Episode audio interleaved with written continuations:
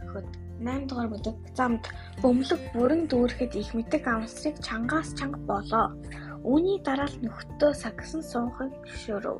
Хамгийн түрүүнд яарууж ав түүний дараа боохонг бүгд нийлэн арай ядан сагсан дуруулав. Ундааж ав найрсгаар бүгдэд тусна. Өөрөө суугаач гэж бусдад түнд хэлэхэд хамгийн чухал та нар минь гэж ингээд бүгд суудлаа эзэлтэл ундааж ав доор үлдсэн байв. Чи яагаад суухгүй байгаа юм бэ? Би ч хэрэггүй байх. Ах トゥ их бүдүүн болохоор дааз хэтэрчүүл яам. Битгий аа даан даан. Ах トゥ нар минь надгүйгээс би хүлээж бай. За эзлээд яах вэ? За байна шүү дээ. Суугаач бүгд нэснэ гэж хэлчихээд гэж их мэдих шаардав. Ундааж ав дурсаа дургуй суудал суудалд сагс газарчхав. Мөн нэсвэ гэж хэлээд бичинжав тэнд инээж байна. Юунда инээс юм гай дахиадад байхад шоолж гин гэж тооныг дургуйцлээ.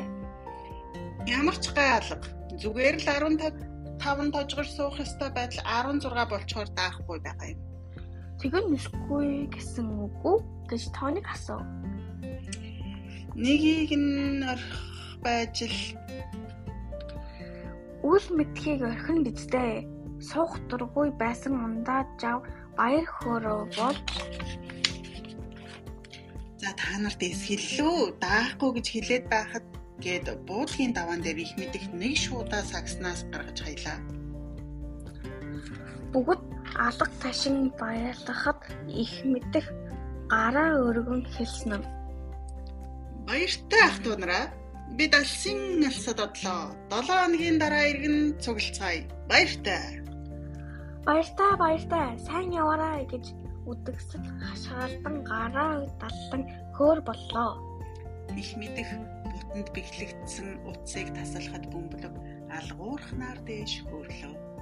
Ураа их мэдэх ба түүний нөхөд мантугаа гэж тожроод хашааллаа. Бүгд хөөрөн баярлалдаж алгаа ташин малгайгаа дээш шиднэ. Тэд хэрэлдэцгээж бие бие үнсэв. Уйлав бөмбөлөг улам дээшлсээр байлаа салхи бөмбөлгийг хажуу тийшээ хөөж удалгүй хөх тэнгэрт үзэгдэж үзэгдэх төдий жижигхэн цэг болжээ. Тэдний үдэсэг дууран аваагаар дээвэр дээрээс харж байв.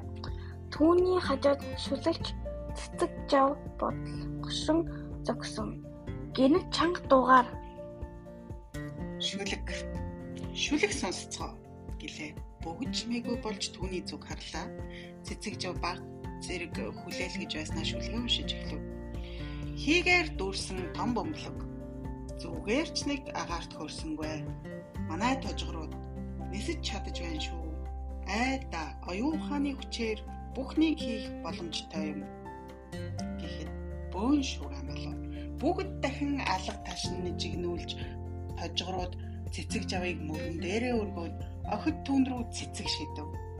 Бараг л цэцэг жав бөмбөлөг зохиогоод нисчихсэн юм шиг энэ өдрийн баатар болчихжээ. Тожгороод түүний шивл шүлгийг цээжээр уншицгаан цэнгэж байв.